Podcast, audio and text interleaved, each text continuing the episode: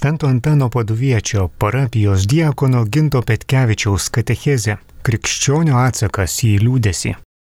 Garbė Jėzui Kristui, mėly Marijos radio klausytojai, su jumis katechezė ir šiandien norėtume pakalbėti apie tokį dalyką, su kuriuo turbūt dauguma susidurėme ir tikrai girdžiu, kad susidurėme karantino laikotarpiu, šiuo neįprastu laikotarpiu. Sėdėdami namuose žmonės dažnai kreipiasi sakydami, kaip, kaip išlikti tam tikėjime, kaip išlikti toje viltyje, kaip būti namuose su viešpačiu, kaip būti su kitais, kaip, kaip nesusidurime su daugybė, daugybė iššūkių toje savo paprastoje kasdienybėje. Tai šiandien į tokį paprastą, bet iš tiesų ir nepaprastą dalyką kviesiu pažvelgti, tai yra į, į viltį, į viltį per tokią liūdėsio prizmę turbūt, nes neįmanomas vienas be kito. Tai pažvelgti, kas atsitinka su mūsų liūdėsiu, kas atsitinka su mūsų neviltimi ir kaip maldoje išgyventi šitą laikotarpį, kaip išgyventi šitas būsenas būtent maldoje. Ir pradėti reikėtų turbūt nuo liūdėsio. Na tai yra tikrovė, su kuria susidurėme kiekvienas, kiekvienas savo kasdienybėje Ir e, šventoji Teresė, jinai sako apie liūdėsi labai gražiai, sako, kančia ir nuolatinės liūdėsys tai yra mūsų nuolatiniai žemiškieji namai. Tai reiškia, tai yra kasdienybė, tai yra realybė, su kuria dėrėtų susigyventi, su kuria reikėtų e, susitaikyti ir kurioje būtent yra ta dirba, kurioje gali gimti tikėjimas ir viltis, tai žmogus negali gyventi be liūdėsio, negali neišgyventi šitos būsenos. Tik tai liūdėsys, dabar jau jeigu žvelgiant į jį taip atidžiau, kas jisai to, kas jisai yra, su kuo valgomas tas liūdėsys. Liūdėsys yra labai dviejopas reiškinys. Labai teisingai pastebi Juozapas Ratzingeris, kardinolas, po to popiežius Benediktas XVI savo knygoje Jėzus iš Nazareto. Jisai kalba ir, ir apie liūdėsi, žvelgdamas per palaiminimą. Sako, juk pasakyta palaiminti liūdintys, jie bus paguosti. Tai ką dabar? Kataliko veidas yra liūdėsio veidas, ar kaip čia suprast? Ar nes kitur tai girdim, kad reikėtų džiugauti, šūkauti aleliuja ir džiaugtis, nes mus viešpats išgelbėjo. Tai kaip čia nais, ar prieštarauja pats savo Dievas, ar čia nais, kaip suprasta liūdėsi. Tai popiežius emeritas labai teisingai pastebė apie dviejopą šito reiškinio, dviejopą pobūdį, kad yra dviejopas liūdėsys. Liūdėsys visų pirma, kuris kurį išgyvename kaip nevilti, ir liudesys, kuris skatina veikti. Kaip tai suprasti, kuriam aš liudesyje? Tai vienas liudesys yra, kai, kai liūdime ir nusvyra rankos ir nenorime dėl to nieko daryti ir sakome, viskas taip ir bus, dabar tik tai blogis ir tamsa ir dabar jau nieko nepadarysi, belieka tik liūdėti. Tai šitas liūdėsys yra savidestrukcinis, jo reikia saugotis, ir reikia bandyti kreipti savo mintis ir savo širdį link kitokio liūdėsio. Jeigu liūdi dėl kažko, sako popiežius, jeigu liūdi, tai liūdėki taip, kad tas liūdėsys tave ragintų veikti. Tai reiškia, jeigu aš matau blogį, tai normalu, kad mane kaip žmogų, mane kaip krikščionį, tas blogis liūdina. Bet tas liūdėsys turėtų būti ne tai, kad nusvyra rankos ir nuva, kaip viskas blogai, bet liūdėsys, kurio vedinas, aš galiu sakyti, kad reikia kažką daryti. Labai liūdna, kad yra tokia situacija, reikia kažką daryti. Liūdėsys turi vesti į veiksmą. Liūdėsys žmogiškas turi provokuoti ir provokuoti ne bet kokį veiksmą, o gailestingumo veiksmą. Nu va čia nais ir susidurėm su dar vienu reiškiniu - gailestingumas, kuris labai toks mislingas reiškinys. Tai Dievo tarsi savybė, savybė išlaikyti gyvą ir netgi laiminti žmogų, kuris dėl savo nuodėmingumo yra vertas mirties. tai galėtų Dievas nuliūsti, nuleisti rankas žmogaus akivaizdu ir sakyti, nu va, nepasisekęs kūrinys, žiūrėk, kiek nuodėmių daro. Bet viešpats, liūdėdamas dėl mūsų, ką jis daro, jis net savo gyvybę guldo, sako, reikia keisti.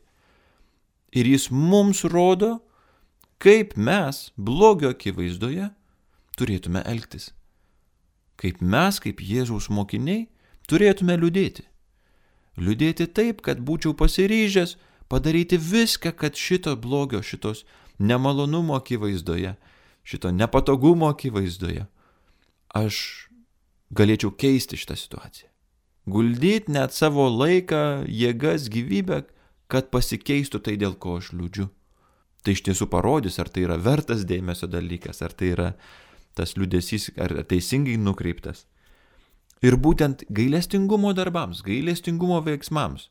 Tegul mūsų liūdėsys dabar šitam karantinė, šitoj kasdienybėje, šituose namuose kad ir koks jis yra, ar jis yra vienatvės, ar jis dėl šitos situacijos, ar jis yra dėl rūpeščio, dėl nerimo, dėl kitų, dėl medikų, dėl artimųjų, dėl senelių, tegul visas tas nerimas ir liūdėsys, tegul jis ragina mane kažką veikti, tegul provokuoja mane gailestingumo atsakui. Nuo gailestingumo mokytoja ir apaštalė tai yra šventoji Faustina, kuri savo maldoje kaip gailestingai būti gailestingam, mus puikiausiai moko. Taigi sakysit, aš namuose, sėdžiu namuose ir, ir ką aš dabar galiu padaryti dėl tų medikų, ką aš dabar galiu padaryti dėl tų kitų žmonių, kurie pavoja, kurie serga, kurie miršta, kurie kasdien rūpinasi kitais. O va čia nais vatinai ir moko savo maldoje. Sako, pirmiausia, ragink viešpatė mane būti gailestingu veiksmu kad ir koks jis būtų. Antra, gailestingų žodžių. Jeigu negaliu padėti veiksmu, padėsiu žodžiu. Trečias dalykas yra malda. Jeigu negalėsiu parodyti gailestingumo nei veiksmu, nei žodžiu, visada galėsiu malda, nes malda siekia ten, kur aš pati nepasiekiu. O mano Jėzau perkeisk mane į save, nes tu viską gali. Tai štai trys gailestingumo pamokos. Kaip liūdėsi pakreipti į gailestingumą. Jeigu liūdžiu ir noriu, kad keistųsi situacija dabar, tai pirmiausia aplink save veiksmu. Tai čia nais tik fantazijos reikalas, ar ne? Čia gal vyresnio amžiaus klausytojai jūsų geriausias veiksmas turbūt ir medikų rekomendacijomis, ir vyriausybės nusprendimu yra, yra likti namuose. Tai yra veiksmas kažko nedaryti, neiti, rinktis, negelti pavojaus savo, savo gyvybė ir kitiems, tai pirmasis veiksmas. Iš jo gali kilti kitoks liudesys, vienatvės liudesys. Tai, tai vat, ir antras veiksmas gailestingumo, kuo galima padėti, tai yra žodžiu, kalbėtis, nebūtinai laukti, kol man paskambinti ir sakyti, na, va, visi mane pamiršo, niekas mane nesirūpina, bet gal inicijuoti būtent pokalbį, kažkam paskambinti, juk dabar telefono, interneto pagalba galima tikrai daug ir kokybiškai bendrauti. Tai vad ir trečias dalykas. Tai ta situacija, kuri jau visiškai ne mano rankose, tai medikus, visus valstybės tarnautojus, visus, kurie rūpinasi mūsų kasdienybę, daro nematomus darbus, ypatingai tam tuomet ir ligonius, palaikyti maldą Tai yra didžiulis darbas. Jeigu negaliu kažko tai daryti, mano rankos surištos, kad geriau jau dėl kitų ir savo sveikatos aš turiu likti namuose. Nežinau, kas tie žmonės, kurie rūpinasi kasdien, daugybė žmonių. Nepažįstu jų, negaliu jiems pa, paskambinti, pasakyti ačiū. Tai reikia melstis. Melstis už tuos žmonės nuolatos. Tai yra gailestingumo darbas, tai yra atsakas į tą liūdėsi. Tai yra rūpestis. Nes malda ir rūpestis kitų žmogumi, tai jau matot, nusuka žvilgsnį nuo savęs. Dažnai liūdim, nes, nes mums patiems vat liūdna dėl savęs. Kad aš toks, aš anoks, aš pamirštas, aš... Bet kai nukreipi šitą žvilgsnį į kitą žmogų ir sakai, vat, reikia liūdėti dėl tų, kurie dabar didžiuliame pavojuje. Ir melstis už juos gali. Tai va, prašom ir veiksmas, ir atsakas, reikia pasiduoti tai provokacijai šitam liudesį, kad reikia kažką daryti. Negaliu, sėdžiu namuose. Melstis. Melstis mus Faustina ragina. Ir vat tie gailestingumo darbai, tai jie yra pats pagrindinis dalykas. Jeigu šiek tiek jaunesnis klausytojas dabar girdi, tai gali būti ir kitokie. Tas veiksmas gali būti savanorystė, dabar daugybė yra savanoriškų iniciatyvų, kad padėti būtent tiems, kurie lieka namuose, nusipirkti vaistų, nusipirkti būtiniausių priemonių, maisto. Tuo pačiu galima ir, ir tarnauti ir žodžiu, ir sidabrinė linija, ir jaunimo linija, ir daugybė dabar yra aktyviai veikiančių uh, linijų, kur žmonės, vieniši žmonės, liūdinti žmonės skambina, nes nori pasikalbėti. Tai vad gailestingumo tarnystė žodžiu ir žinoma malda, aktyvia malda. Palaikyti visus, kuriuos matot, nematote ir, ir kuriems reikia dabar palaikymo. Įsivaizduokite, mes turime tikėjimą. Tai čia jau yra džiaugsmo dalykas, jau kad mes turime šitą pasirinkimą, tai rinktis išgyventi šitą laiką su Jėzumi, išgyventi su mylinčiu Dievu. Tai pirmiausia melstis už tuos, kurie šitoje neviltyje arba liudesyje neturi to antro pasirinkimo. Neturi pasirinkimo liūdėti su viešpačiu ir atsiliepti gailestingumo darbais atsiliepti meilės darbais, kurie neturi vilties, kad gali būti geriau. Tai vad būtent šitų žmonės pirmiausia palaikyti savo maldą. Vat ir atsakas į liūdėsi. Vat ir paprastas veiksmas, kurio kiekvienas, sėdėdamas namuose, galime imtis, kiekvienas galime padėti. Tai vad, apie gailestingumą ir atsaką tą bažnyčia irgi turi labai konkretų planą, labai konkretų pasiūlymą. Tai yra gailestingumo darbai kūnui ir sielai. Nežinau, ar esate tokius girdėję, bet tai yra, tai yra bažnyčios mokymo dalis apie gailestingumą, būtent kaip atsiliepti liūdėsio akivaizdoje, vat, kaip atsiliepti meilės išraišką. Tai gailestingumo darbai kūnui, priminsiu, išalkusi pavalgdinti, ištroškusi pagirdyti, vargšą aprengti, keleivį priglausti, kalinį sušelbti, ligonį aplankyti, mirusį palaidoti. Na, šitoj situacijoje ligonių lankyti tai tikrai ne, neraginu, ir, bet iš tiesų, va, išalkusi pavaldinti, savanoriauti, padėti kitam žmogui. Ir, arba gailestingumo darbai sielai, nemokanti pamokyti, abejojančiam patarti, nuliūdusi paguosti, piktą darantį sudrausti, įžeidimus atleisti, nuoskaudas nukesti, melstis už gyvus ir mirusius. Na va prašom, kiekvienam yra pasirinkimas, kiekvienam yra išeitis, kaip išgyventi gailestingumą, kaip atsiliepti viešpačiui liūdėsio akivaizdoje, ne? kad, kad liūdėdamas dėl to, ar sėdėdamas namuose, dėl situacijos Lietuvoje ir pasaulyje, dėl plintančio viruso ir, ir daug sergančių ir mirštančių ir kenčiančių žmonių, daug darbuotojų esančių pavojuje, juk tikrai situacija neįprastinė, tai vad atsiliepimo būdai, Labai konkretus, seniai bažnyčios nukaldinti, bet kokiai situacijai, ypatingai ir šitai, atsiliepimo būdai. Tai vad, ir malda, atleidimas, atsiprašymas, tai gali atrodyti kaip tokie labai vidiniai dalykai, bet iš tiesų jie reikalaujantis ne, nemažai pastangos. Ir tie, kurie tikrai jau ne, netrumpą laiką tikrai praleidę namuose, tikrai supras, apie ką aš kalbu, kad uh, atleidimas, atsiprašymas, tie paprasti dalykai, kurie kasdieniuose santykiuose yra būtini, netokie jau ir paprasti, netokie jau ir lengvi. Kai kasdien reikia gyventi su žmonėm, turbūt ne vienoje šeimoje, ne vienose namuose ir barnių, ir, ir rūpeščių kyla, kuriuos reikia spręsti ir niekur nepabėgsi, tenais toje kasdienybėje, toje tikrovėje reikia ir gyventi. Tai aš sakyčiau, kad tai yra palaiminimas. Šitas laikas, kuomet mes galim daugiau laiko praleisti šeimoje, namuose, tai iš tiesų yra tikrumo laikas. Visa Lietuva yra gavėnios rekolekcijose. Tokiame tikrume, kur niekur nepabėgsi nuo tų santykių, kad ir kokie jie yra, kad ir kokie jie bebūtų. Ar kivirčiai, ar dar kažkas su tuo žmogumi, tuoj pat turi susitikti virtuvėje ar svetainėje. Ir tebūnie šitas laikas būna mokymosi laikas mokymosi tikrumo santykyje, kad nebėgti nuo problemų, nebėgti nuo kito žmogaus ar, ar iššūkio ar kryžiaus santykyje, bet sėsti, kalbėtis, melstis, atleisti ir atsiprašyti. Na vat ir čia dėja, bet tenka pripažinti, kad kiekvienas, kiekvienas tikrai susidurėme su savo ribotumu. Atsitrenkėme kaip į sieną į savo galimybės. Galimybės atleisti, galimybės atsiprašyti, galimybės priimti kitą žmogų. Iš tiesų, kokia nelengva misija. Nelengvas koks iššūkis.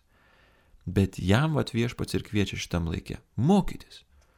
Mokytis, kad ne aš pats viską galiu ir turiu padaryti. Bet turiu Dievą įsileisti, kad Jis man savo kasdienybėje padėtų. Kad Jis man suteiktų stiprybės. Šeimoje, kada sunku, ar kokiuose santykiuose, ar net vienatvėje, jeigu vieni esate namuose. Tame sunkume yra daug lengviau, kai įsileidi ten Jėzų. Jeigu viską bandysime daryti patys, patys išlipti iš liūdėsio, patys susirasti būdų, patys viską padaryti, na tai tas, tas žvilgsnis į save nuolatinis, tai ego, egoistinis žvilgsnis, aš pats žvilgsnis, na jis prie dar didesnio liūdėsio prives. Nes kai darysime patys visi, viską bandysime įveikti patys, labai greit nuliūsime pamatę, kad kiek mažai mes galime. Kiek nedaug iš tiesų galime. Ir geriausias tame dalykas, kurį galime padaryti, tai yra atiduoti viską į mylinčio tėvo rankas. Įsileisti jį. Įsileisti tą žvilgsnį, kur ne aš, o tu Dieve, tu karaliauk, tai esi tavo valia. Juk mirtinai nuliūdęs Jėzus krauju prakaituodamas pasako šios žodžius alyvų kalne prieš savo suėmimą Jis sako, tiesie tavo valia. Jis nesako, aš pats, aš padarysiu, ko tu prašai viešpatė, aš sako, tiesie tavo valia. Atiduodamas į tėvo rankas situaciją, kurioje liūdėtų ir kentėtų tikrai kiekvienas, kur bijotų kiekvienas. Ir štai mums didžiausia mokinystės pamoka. Kad nupuolus, susidūrus su savo ribotumu, su savo nepajėgumu, atsiliepti viešpačiui, atiduodant viską į jo rankas, atiduodant viską jam. Tegul jisai karaliauja, tegul jisai būna šitos situacijos, šitos mano kasdienybės viešpats. Na va ir čia nais susidūrę su mokinių paveikslu evangeliniu, tai galime tik tai džiaugtis. Galime tik tai džiaugtis, kad mokinystė ir mokiniai Evangelijoje vis tik va nėra nupiešti tobulai nėra pavaizduoti kaip tobuli mokiniai, kurie tik siekėmybė ir, ir jau man pasiekti jau tos mokinius yra taip sunku.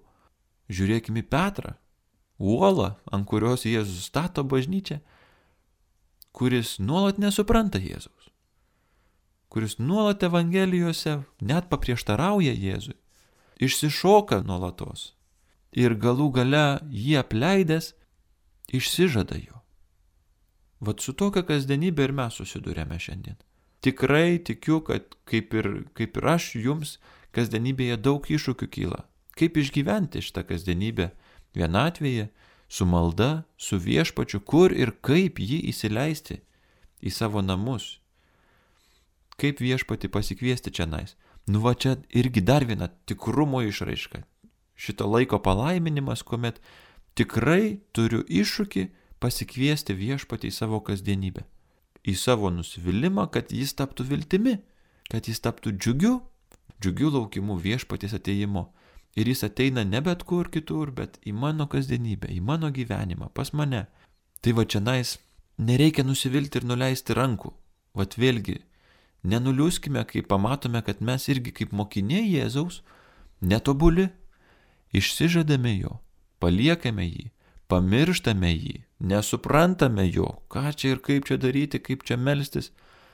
Va ši čia reikia neprarasti drąsos ir prisiminti va evangelinį mokinio paveikslą, kuris mokinio, kuris turi likti arti viešpaties. Tai reiškia atsiminti jį, neštis jį, melstis jam. Čia dar kartą ateina kasdienė malda ir aš tai rekomenduočiau ypatingai šiame laikė Dažnai rekomenduoju per gavienę skaityti, išsirinkti kažkokią Evangeliją arba Švento rašto knygą. Aš jau turbūt penktą gavienę, kaip skaitau Jobo knygą, kur yra nagrinėjama būtent kančios problematika. Kaip teisusis privalo vis tiek kentėti, kaip vis tik kryžius yra neatsiejama kiekvieno gyvenimo dalis.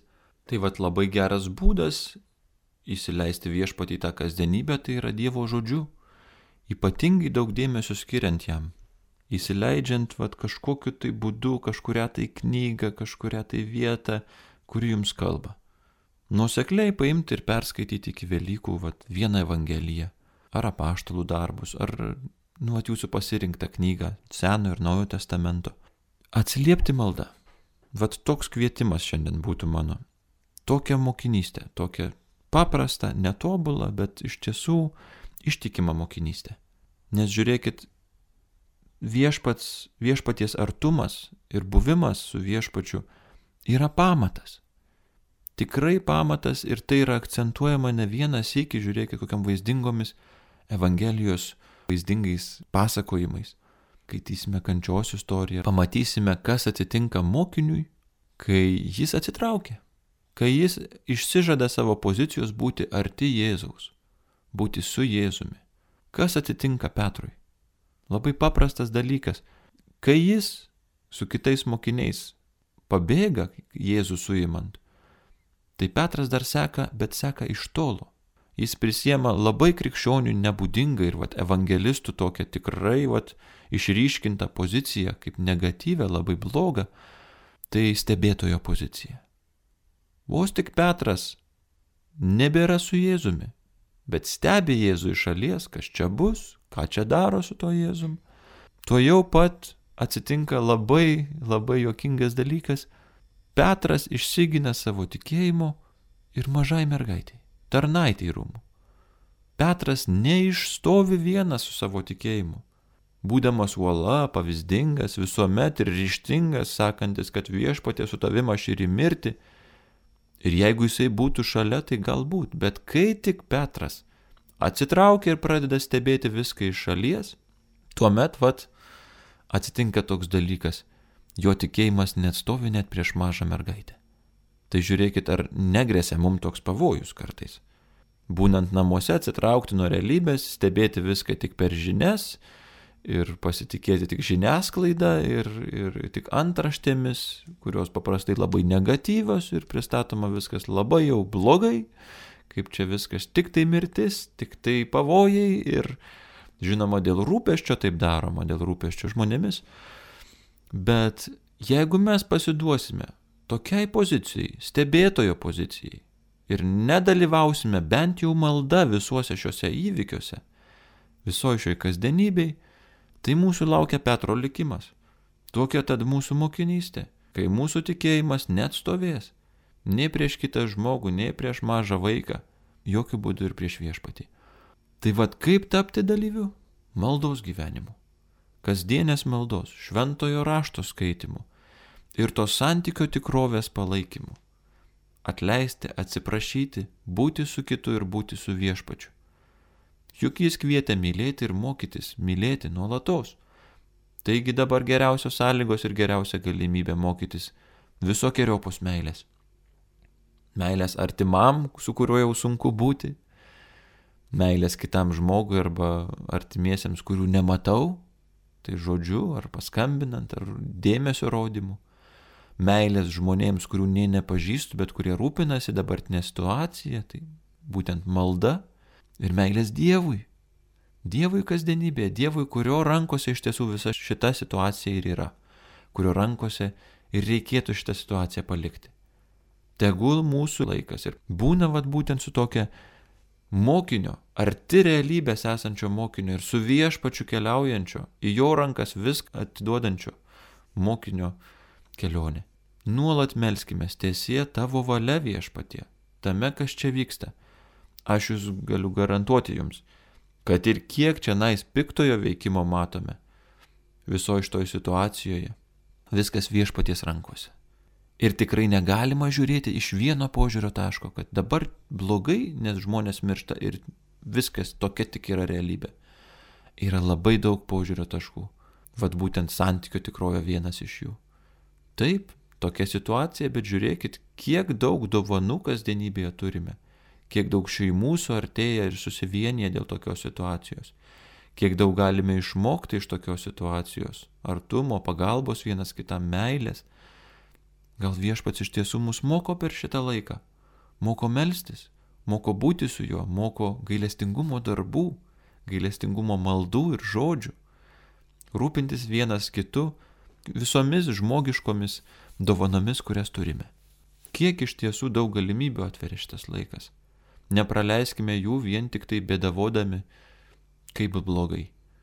Ne, ne. Tegul šitas mūsų liudesys tampa naujų statymų, maldos sienų statymų, maldos ir santykio su Dievu statymų. Tegul Lietuva žydė maldomis, maldomis vieni už kitus, kuriuos pažįstu, kurių nepažįstu.